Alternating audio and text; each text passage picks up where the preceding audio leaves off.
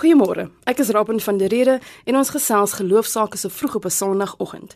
As jy op die langpad is, ry veilig en as jou wekker nou net afgegaan het, kan jy rustig saam met ons wakker word. My kollegas vanoggend is Neil Roo agter die kontroles en Lazelle de Bruin. Ons program is soos gewoonlik gelaai met geloofstories van regoor Suid-Afrika. So baie dankie dat jy vroegoggend ingeskakel het en mag dit vir jou net 'n positiewe inspirasie wees hier by ons vanoggend. Ons gesels vanoggend met Dr Petrus Moelman oor oud te word en aftree. Linda Hendriks vertel van 24 uur bid en Nicola Alberts van die Hottentots Holland gemeente help ons kyk na die gebruik van ruimtes in die kerk. En ons gesels ook weer met 'n paar vroue uit Elsies rivier. Jy kan saamgesels by 45770 teen R1.50 per SMS. Dan is daar natuurlik die webwerf waar jy vir ons ook 'n boodskap kan stuur na die ateljee toe. Dit kom daar bo in Johannesburg aan, maar hulle stuur dit dadelik vir ons aan. Die webwerfadres is rsg.co.za en moenie vergeet om jou naam by te sit nie. Dit geld sommer vir SMS'e ook. Ons sê goeiemôre vir Velusha Jouber. Sy het op Facebook laat weet dat sy elke Sondagoggend ingeskakel is en Janneke verjaar vandag so baie geluk met jou verjaarsdag Janneke. En dan sê ons ook goeiemôre vir Neil en Louise Boegner. Hulle is afgetree op Nysna en hulle verjaar ook in hierdie tyd. So baie geluk Neil en Louise met julle verjaarsdag. As jy besluit jy wil onderhoud vir iemand aanstuur, kan jy die potgooi gaan aflaai of sê sommer hulle kan dit op die webwerf kry. Klik op die potgooi skakel en gaan soek onder S vir Sondagjoernaal.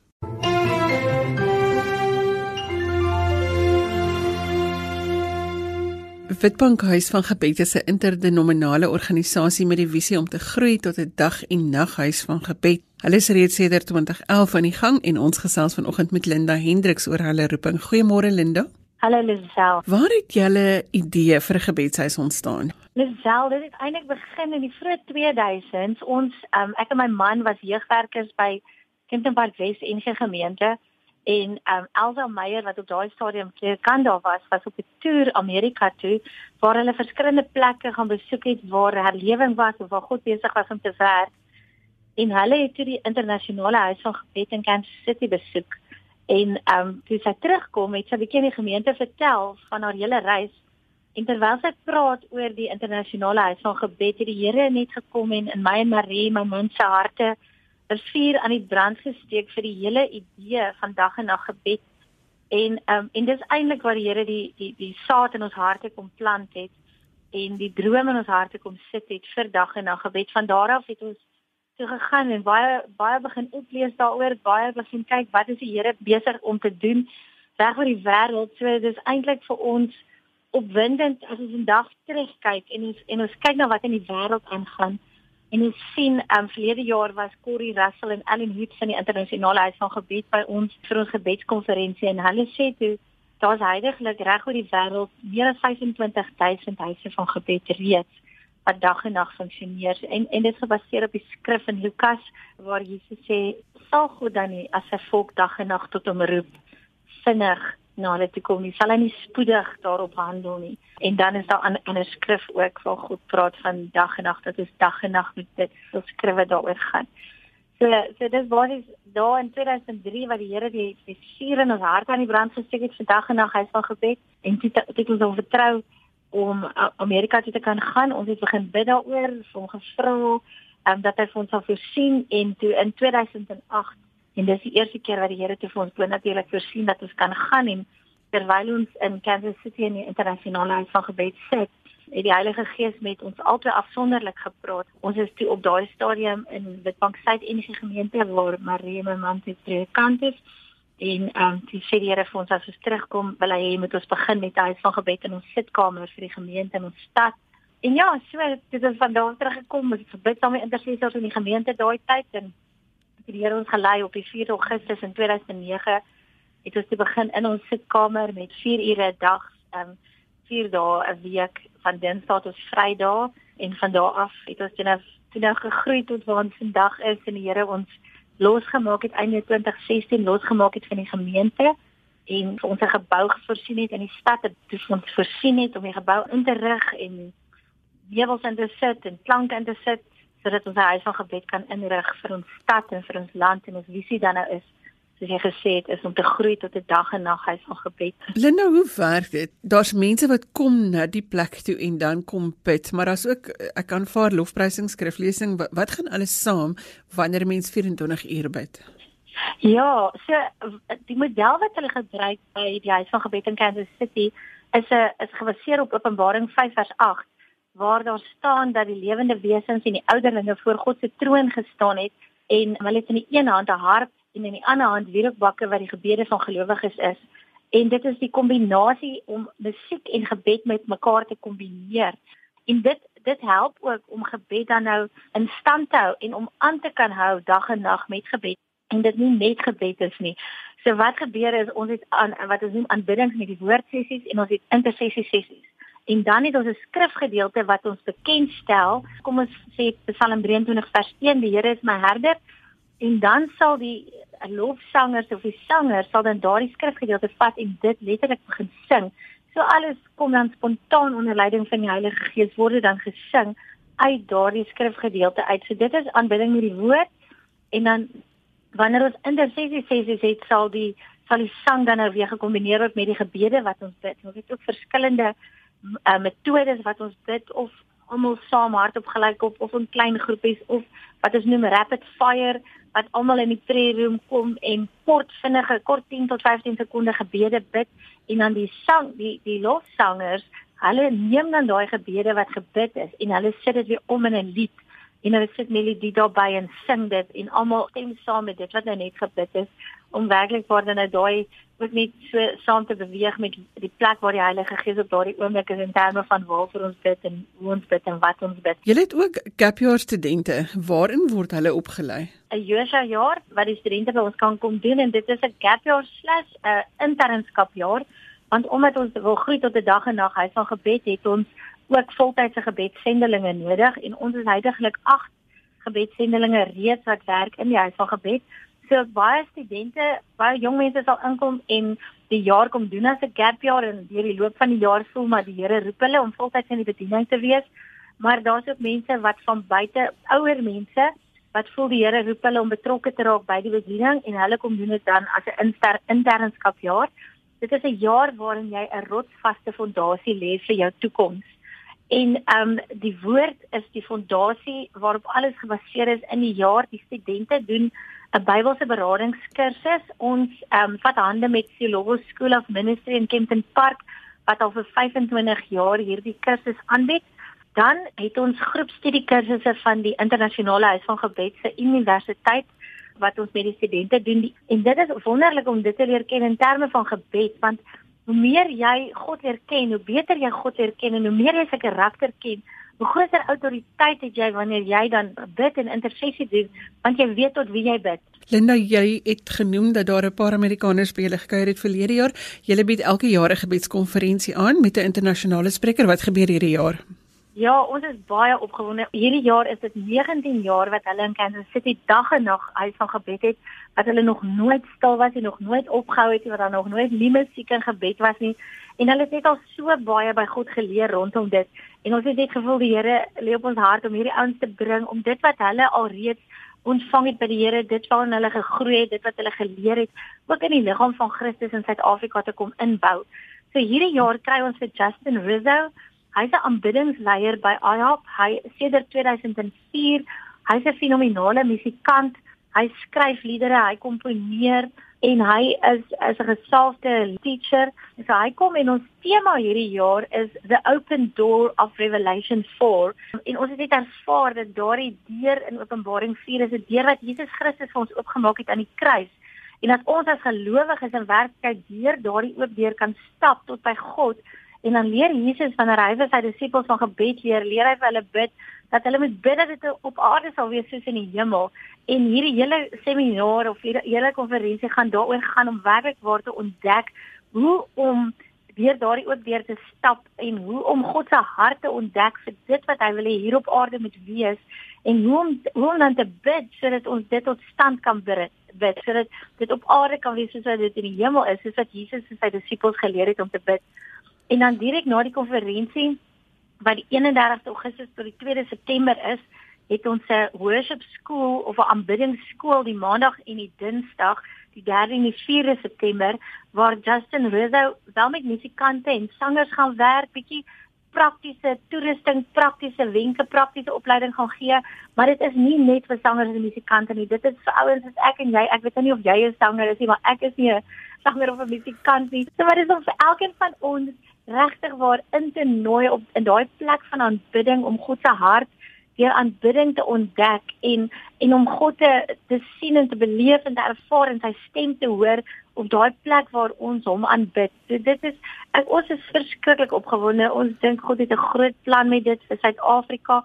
Ons weet dat die Here ons ons gelei het om hierdie goed hierdie konferensies te hou nie net vir Witbank nie, nie net vir Mpumalanga nie, maar regtig waar om om vir gelowiges in ons land um net hierdie toerusting ook te gaan gee om om gelowiges op te tel en te bemoedig en te versterk en en aan te moedig om aan te hou. Want soms is soms is hierdie 'n moeilike journey om te stap um as gelowige in die wêreld en die werkplek waar ons is. En ons ons het gesien oor al die jare wat ons dit doen sien ons hoe ouens kom en regtig waar net bemoedig word deur die Here en ons hoor ook getuienisse van mense wat teruggaan na hulle tuisdorpe toe en begin met met gebedskamers of begin met huise van gebed. So ons is opgewonde oor wat die Here met dit doen. Lena baie dankie vir die samegesels vanoggend en baie sterkte en dankie dat julle ook vir die hele land byt. Julle sal ons waardeer dit en seën vir julle ook met julle program en julle werk wat julle doen. Linda Hendriks was in gesprek met Lazelle. In ons gemeenskapsinsetsel gesels Lazelle nog die volgende 2 weke met vroue van Elsies rivier. Kom ons hoor hoe lyk hulle gemeenskap en hoe hulle oor geloof dink. Hallo, ek is Valentina Breintjes ek bly in Elsies rivier. Waar ek vanaand afkom, is has altyd geweld. En om te sien aan die kinders onder daai moet lewe, is dit lekker, né? Nou, wat ek eintlik wil doen is om net 'n verskil te maak in 'n kind se lewe, soos hulle sê, 'n kind is die volgende generasie. So om iets goeds te doen vir 'n kind wat hulle nie van hulle ouers kan afkry of van enigiemand af kan kry nie, sou ek regtig graag wil doen. Geloof speel vir my baie groot rol because van in die oggend as mens opstaan, waarvoor staan jy op? Wie het vir jou wakker gemaak? Dat God is die een wat vir my wakker maak. Liewe Jesus is daar. Nou om daai ook vir 'n kind voor te spel, om vir 'n kind te sê daar is iemand wat lief is vir jou.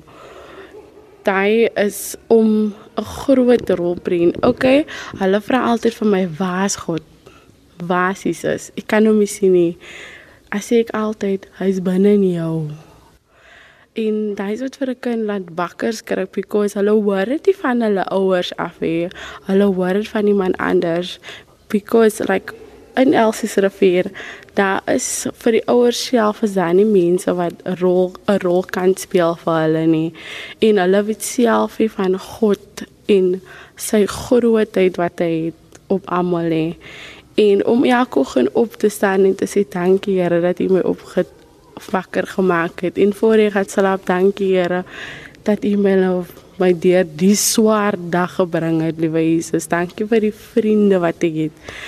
En daar's jong mense vandag ook wat ek verstaan die die konsep van om iemand lief te hê nie. Om in Elsie se rivier te bly, om iemand lief te hê om 'n boyfriend te hê. Dit is wat die jong mense dink van vandag, 'n boyfriend of 'n girlfriend.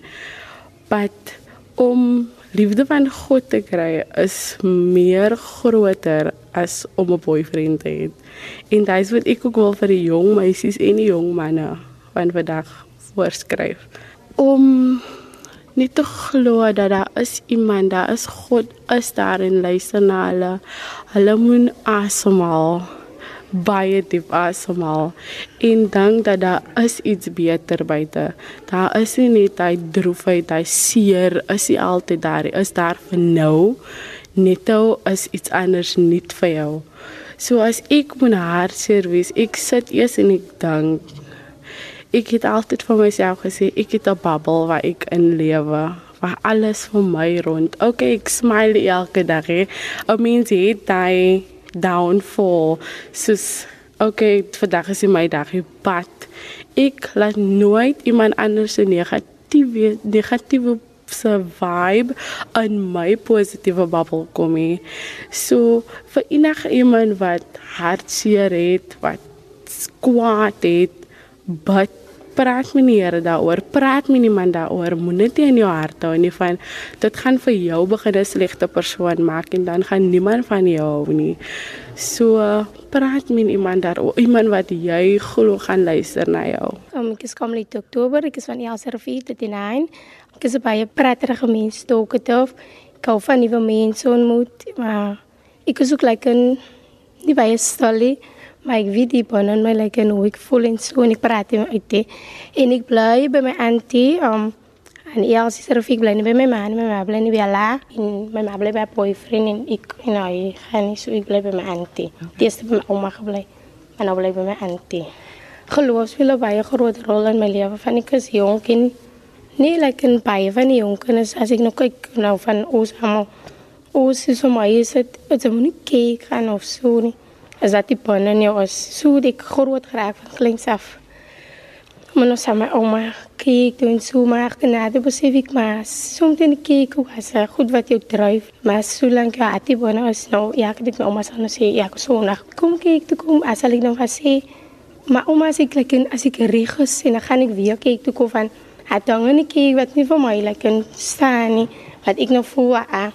En ek kan nie kom en as ek hier reg voel nie nou agterna toe ek nou weer gegaan en so toe ek so maar die jag die jag geneem en so en maar dit was baie nice van nou nog lang tyd maar agterna en dan voel ek weer net net een so nog net ek val nou nie gaan en dan gaan ek so maar geloof speel baie groot rol van ook as geloof het gee my hoop om elke keer op te staan van ek meen as ek op gee te dien en kon staan ek op elke keer moes om te leef soos ek geleer het ek vandag leef en nou Moenie worry oor môre nie. Hy moet nog kom. Myne is net eer die moeder en vader laat jy daar sal verling word. Is al wat ek kan glo.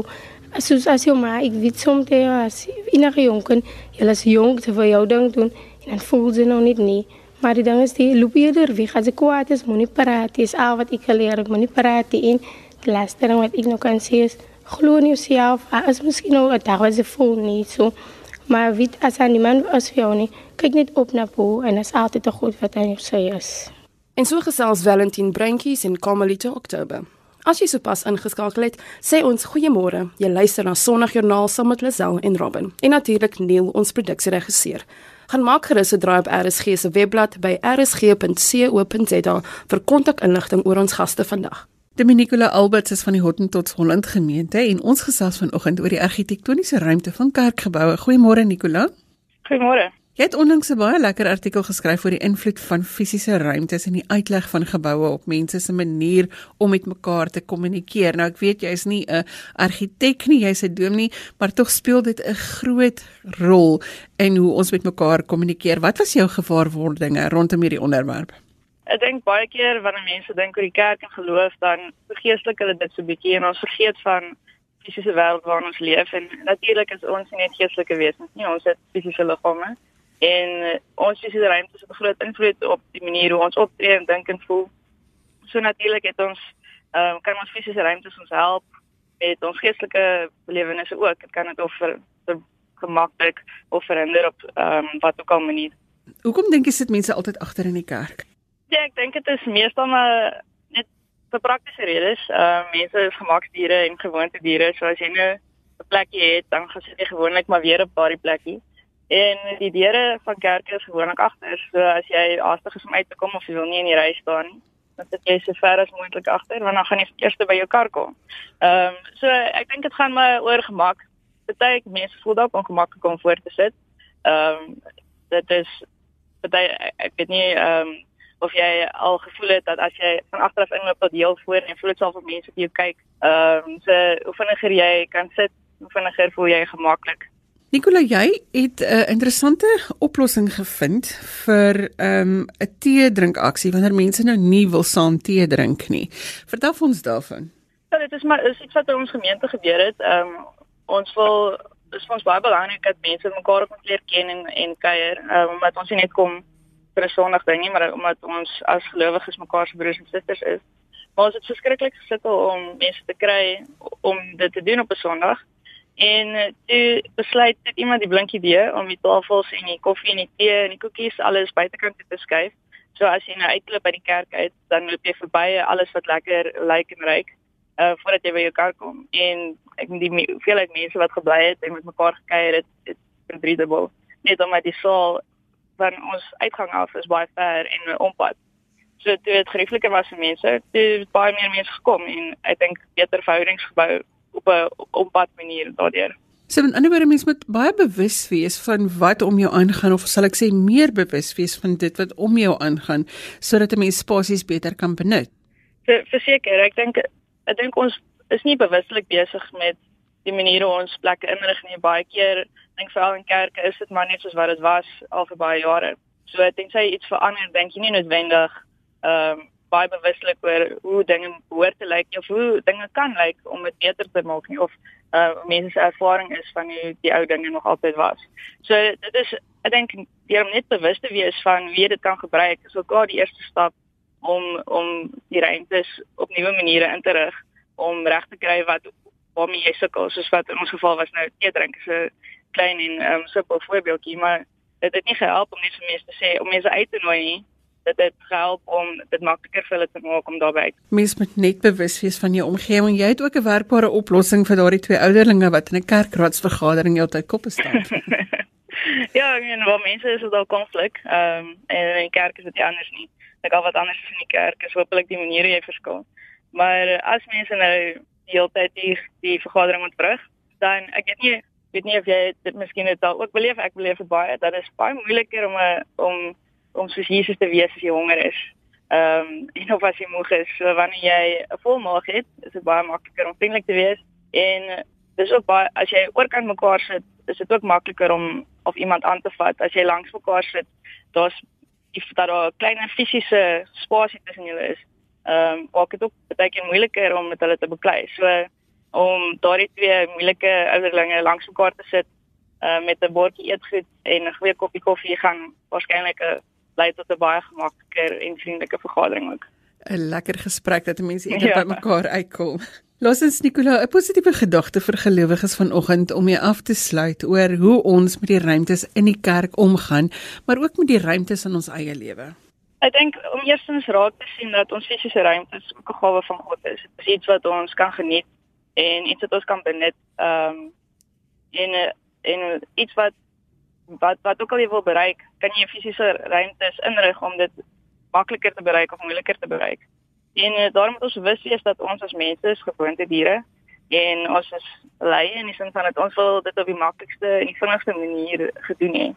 Ehm um, en en net om dit te weet, gaan ons klaar help om om dinge op 'n ander manier in te rig om dit makliker vir ons te maak. So as ek net so 'n simpel voorbeeld kan sê net maar jy wil graag in die gewoonte kom om in die oggend die Bybel te lees, maar jy sê miskien is daar jy jonk kinders en hulle ehm um, hulle los nie lank genoeg alleen of so dan dan sal dit help om met jou Bybel by jou koffie iets wat wat jy wat jy eers gaan doen in die dag en begin klein. Ek dink ons ons moet bietjie meer dink aan ons gewoontes as oefeninge. Wanneer ons begin oefen, dan begin ons nie om 10 km te hard of nie, ons begin eerder by 2 of by 1. So as jy begin met iets begin klein, begin met 5 minute Bybel lees en maar en vestige gewoonte. Omdat ons gewoonte diere is, dan help dit ons om te bereik wat ons graag wil bereik. Wel, wilskrag is nie is nie genoeg baie keer vir ons om net veranderinge te maak nie, maar ons moet ons omgewings verander om ons te help om om te doen wat wat ons beoog. Goeie raad van Dominee Nicola Alberts. Nicola, baie dankie dat jy ver oggend so 'n tydjie vir ons gemaak het om saam te gesels. Dis 'n groot plesier. Baie dankie vir die geleentheid. Die stem daarvan Dominee Nicola Alberts. Ons gesels geloofsaake tot kort voor 8uur wanneer ons oorgee vir die 8uur nuus, maar om mee af te sluit, gesels ons met Dr Petrus Moelman oor oud word. Om op 76 te leer cello speel is een manier om die neurons in jou brein aan die vuur te hou. Dominee Petrus Moelman glo dat die lewe 'n lied moet bly en dat dit van jouself afhang hoe jy jou ou dag gaan inrig. Maar die kerk het ook 'n groot rol te speel in ouer mense se lewe. So ons sê vir hom goeiemôre vanoggend, Dr Moelman. Goeiemôre Lisel. Ek vra almal bo 70, is dit darm nie nou tyd om af te tree nie? ek verstaan heeltemal goed wie dit vra is ja. Ja natuurlik, op op 70 behoort 'n mens af te tree. As ek so na die kerk kyk, dan na 70 is jy as predikant klaar met jou bediening. Uh ja, mens tree af, maar ek dink nie 'n mens hou op lewe nie. En na aftrede is daar natuurlik 'n groot stuk lewe oor wat 'n mens betekenisvol moet bly lewe. Op 'n ander manier is jy as jy wat, wat jy in die eerste gedeelte van jou lewe gedoen het. Jou navorsing het gefokus daarop om meer betekenisvol te kan bly leef in jou aftree jare. Jy het nie net begin cello speel nie. Hoekom het jy ook hierop gefokus? Weet jy Lisel, ek was uh, as 'n pastorale hulp in 'n gemeente betrokke geweest waar die opdrag gehad die ouer lidmate in die gemeente en daar's daar twee dinge my opgeval.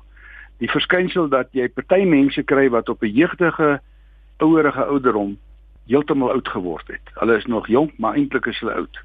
Dan kry jy die teenoorgestelde. Jy kry ouer mense wat nog baie jeugdig optree.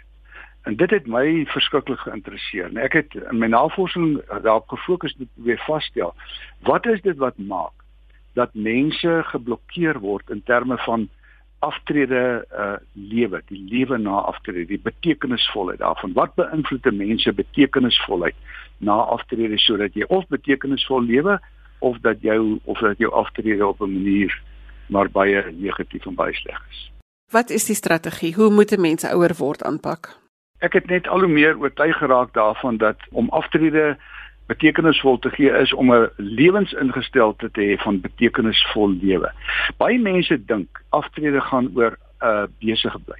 Dit gaan nie oor besig bly nie. Professor Daniel Lou het op een van sy boeke het, het baie mooi geskryf. Hy sê kerk se programme is baie keer daarop gefokus om ouer mense se tyd te vul. En hy sê nee, dit gaan nie oor tyd vul nie, dit gaan oor lewensvervulling. Weet? So aftrede moet 'n tyd wees wat wat lewensvervullend is. Jou lewe moet betekenis hê. Jou lewe moet betekenisvol wees. En om dit te kan doen, moet 'n mens na jouself kyk en dit is 'n baie belangrike ding in ouer word. Dit is dat 'n mens is nie maar net 'n geestelike wese of 'n of 'n fisiese wese, jy weet wat heeldag fokus op jou pyn en jou ongemak nie. 'n Mens is 'n totale mens. So aftrede vra dat jy na jouself en die kerk ook na jou kyk as 'n as 'n volle mens, liggaam, gees, Eh, sosiale wese en jou godsdienst. So in totaliteit moet 'n mens daarna kyk in terme van aftrede. Ons gesels se baie oor mense wat sê net maar in 'n plakkerskamp bly om hulle weer menswaardigheid te gee sodat hulle in hulle self kan glo sodat hulle hulle omstandighede kan verander. En ek dink wanneer 'n mens oud word, dan is dit ook nog vir my 'n belangrike ding dat 'n mens jou menswaardigheid en jou en jou selfbeeld so hoog as moontlik moet hou. Ja. Uh, weet jy, uh, Lisel, ek sê altyd uh, die gesegde wat mense het wanneer mense sê um, oud word is nie versusses nie, is nogal regtig waar. Om ouer te word is 'n uh, deel van lewe. Maar dit is ook 'n deel van lewe met baie tipiese uitdagings.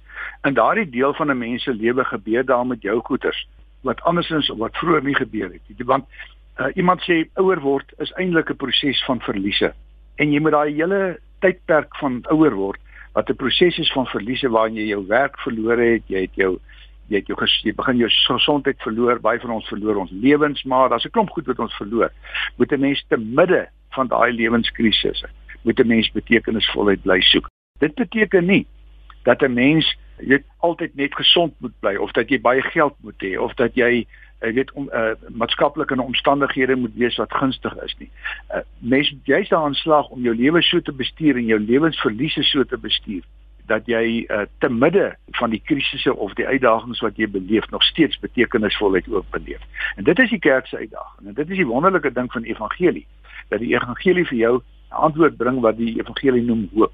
Jy weet wat iets wat jy iets wat jy van ander kant die moeilike lewe kan indra in hierdie lewe en dit betekenisvol maak. Voordat ons kom met die kerk se rol in ouer mense hoe hulle hulle lidmate bystaan, dit gebeur nogal wanneer 'n mens ouer word dat daar dinge na vore kom wat jy dalk nog nie verwerk het nie. Soos die politiek wat verander. Baie van die mans het geveg op op die grens en nou is al daardie dinge verniet en dan is daar 'n klomp van hierdie goed wat nog nie verwerk is nie. Ja. In my eie aanbieding van die goed is daar vir my drie belangrike goeders. Een is jy moet vrede maak met jou verlede. 'n uh, Volledig vrede maak met jou verlede. 'n Mens kan nie met 'n klomp bagasie oud word nie. Jy moet regtig lig reis op hierdie op hierdie laaste deel van van jou lewe. En hierdie goed wat jy genoem het, het ek ook in my navorsing raakgeloop. Daar's nog goed wat daarbey kom. Byvoorbeeld uh, uh mense dit dis 'n fenomeen in ons in ons samelewing wat net daar is. Dit is dat ouer mense se kinders vertrek oor see. Jy daai verlies van van kinders en van kleinkinders is 'n geweldige verlies wat die wat die navorsing ook bewys het. So jy met al daai goeders moet jy vrede maak. So as daar dinge is uh, wat pla en jy noem nou pertinent byvoorbeeld die die die bosoorlog en baie van ons se mense en die in en die invloed die impak wat dit gehad het ook ook op gesinne. Daardie goed moet deurgewerk word. En dit is wat die taak van veroudering weet nogal moeilik maak. 'n Mens moet mense help dat hulle met daai deel van hulle lewe dat hulle dit kan afhandel. Dit ons nie uh, as jy byvoorbeeld met rou smart sit of jy sit met jy sit met uh, met met vroeging, jy weet uit die verlede. Daardie goed moet jy afhandel van jou verlede. Die ander ding is, ehm um, dat 'n mens moet vrede maak ook met die nou. Ons het nou in ons gemeente verlede week het Saterdag het ons 'n seminaar aangebied wat Theo Venter, die bekende politieke analis vir ons kom aanbied het om te sê wat het met Suid-Afrika gebeur van van 1960 af? Hoe hanteer 'n mens hierdie goed, jy weet, wat ons nou in is? Hierdie ding van anderdag nog was die regering die vyand. Nou is hulle die regering. Jy weet, hoe pas 'n mens daarbey in? Dis alles dinge waaraan 'n mens absoluut moet aanleg. So, kom ek soms op weer te sê, jy moet vrede moet maak met jou verlede. Jy moet jy moet vrede maak met die nou sodat jy kan bly droom oor die toekoms. So kom ons vra die vraag, hoe moet die kerk ouer lidmate bystaan? In die eerste plek deur ouer mense se vermoëns te ontdek. Weet jy, ons het 'n dag aangekom waar ouer mense nie meer soos 'n klomp dekades gelede op 'n vroeë stadium eintlik oud was. Die mense word vandag baie ouer. Daar is baie meer ouer mense. Mense is gesonder. Ehm um, daar is daar is 'n geslag wat in wat ingekom het wat hulle genoem het die baby boomers. Jy weet wat heeltemal met 'n ander ingesteldheid rondom die lewe rondloop. Hulle wil nie gestereotipeer word as ons is almal swak en ons is almal siek en ons is almal uh net nie die vermoë om 'n klomp dinge te doen nie. Ons mense se waardigheid en hulle vermoëns erken. Dis die eerste ding. As jy gaan kyk na kerk se normale modelle wat hulle volg rondom senior volwassene bediening, dan sal dit wees kom ons kry 'n ou dominee vir die ou mense, weet, wat hulle kan gaan besoek. Aan die ander wyse ons maak hulle 'n objek van ons bediening terwyl hulle nog heeltemal krag, baie van hulle het al baie krag en gesondheid en lus om 'n deel te word van die bediening. Ons hoef nie net altyd objekte te wees. Ek ek persoonlik dink dat die antwoord vir die kerk se senior volwassene bediening lê in 'n deelnemende bediening. Nie net 'n 'n 'n objekbediening, jy weet, aan die aan die ouer mense. So ons moet van hulle gebruik maak. Die ander ding is ons moenie net daarop fokus dat hulle op pad is om dood te gaan en daarom moet ons nou aan hulle geloofslewe, jy weet, uh, alleen aandag gee en wat gaan met gebeur as hulle eendag doodgaan nie. Ons moet hulle leer om te lewe in hierdie deel van hulle. En daarom moet jy weer 'n slag kyk na alles. Ons moet programme aanbied wat hulle liggaamlik raak. Ons moet programme aanbied wat hulle maatskaplik raak. Uh daar's geweldig baie besluite wat mens moet neem in hierdie proses van ouer word, jy weet. Op 'n stadium is dit baie goed om maar van daai groot huis met die groot swembad en die groot erf ontslae te raak en kleiner te gaan. Jy weet, mense moet gemotiveer word en en ingelig word rondom die verskillende moontlikhede wat daar is. Psigies is daar die goed wat ons reeds oor gepraat het. Jy weet wat 'n mens moet aandag gee aan die dinge wat blokkeer mense emosioneel uh rondom rondom betekenisvolheid in in hulle ou dae. En natuurlik dan moet ons hulle ook uh religieus godsdienstig benader. Maar dit gaan oor 'n deelnemende ding. Kom ek gee vir jou 'n voorbeeld. In die gemeente waar ek op die oomblik is het ons 'n seminaar aangebied oor die versorger van 'n huweliks van 'n huweliksmaat wat demensie het. En dit gaan eintlik oor die huweliksmaat versorger. Uh ek het op die oomblik 'n terapeutiese groep wat daar aan aan 'n groep mense wat in daai posisie oomblik aandag gee. Maar ek het ook 'n groep wat uitreik na die ander senior volwassenes wat nie meer kan kerk toe kom nie, wat nie meer wat huis en bed gebonde is as gevolg van veroudering. Wie se band eintlik op 'n manier met die kerk verbreek is. Hulle reik uit na daardie ouer mense. Hulle gaan bedien selfs nagmaal aan hulle. Jy weet hulle gaan kyk na hulle behoeftes, hulle help dit versorg. So dit is 'n deelnemende bediening wat ons wat ons moet begin beoefen en die groot werksmag wat tot tot beskikking het kan gebruik. Op die oomblik is die ingesteldheid van die kerk vir 'n vir 'n baie groot mate, jy weet. Ons het baie ouer mense en, en dit is vir hulle 'n probleem. Plaas al vir hulle vir hulle geleentheid is, word dit maar 'n probleem. Baie dankie vir die samestelling vanoggend. Ek dink ons kan seker nog 3 programme hiermee volmaak. Baie dankie vir die inligting. Baie dankie Lisel, dankie vir die skakel. En daarmee het ons aan die einde gekom van vanoggend se program. Onthou daar is heelwat programme op RSG wat jou sal geselskap kan hou deur die dag. So skakel sommer 05:30 vanmiddag in vir ons en die onderwys van my Rapen van der Rede. Totsiens. Jy kan vir my e-pos met kommentaar of as jy 'n geloostorie met ons wil deel, my e-posadres is lizel@wwmedia.co.za. Jy spel dit L I Z E L L E by wwmedia. So let daarop daar is net twee W's. Of jy kan ook vir ons 'n boodskap stuur deur die webwerf by rsg.co.za. Onthou om jou kontakbesonderhede by te voeg, anders kan ons net lees en nie reageer nie. Tot volgende week groet ek namens produksieregisseur Neil Roo. Onthou maak 'n punt daarvan om uit te reik en om vandag iemand se lewe makliker te maak. Tot dan, totsiens.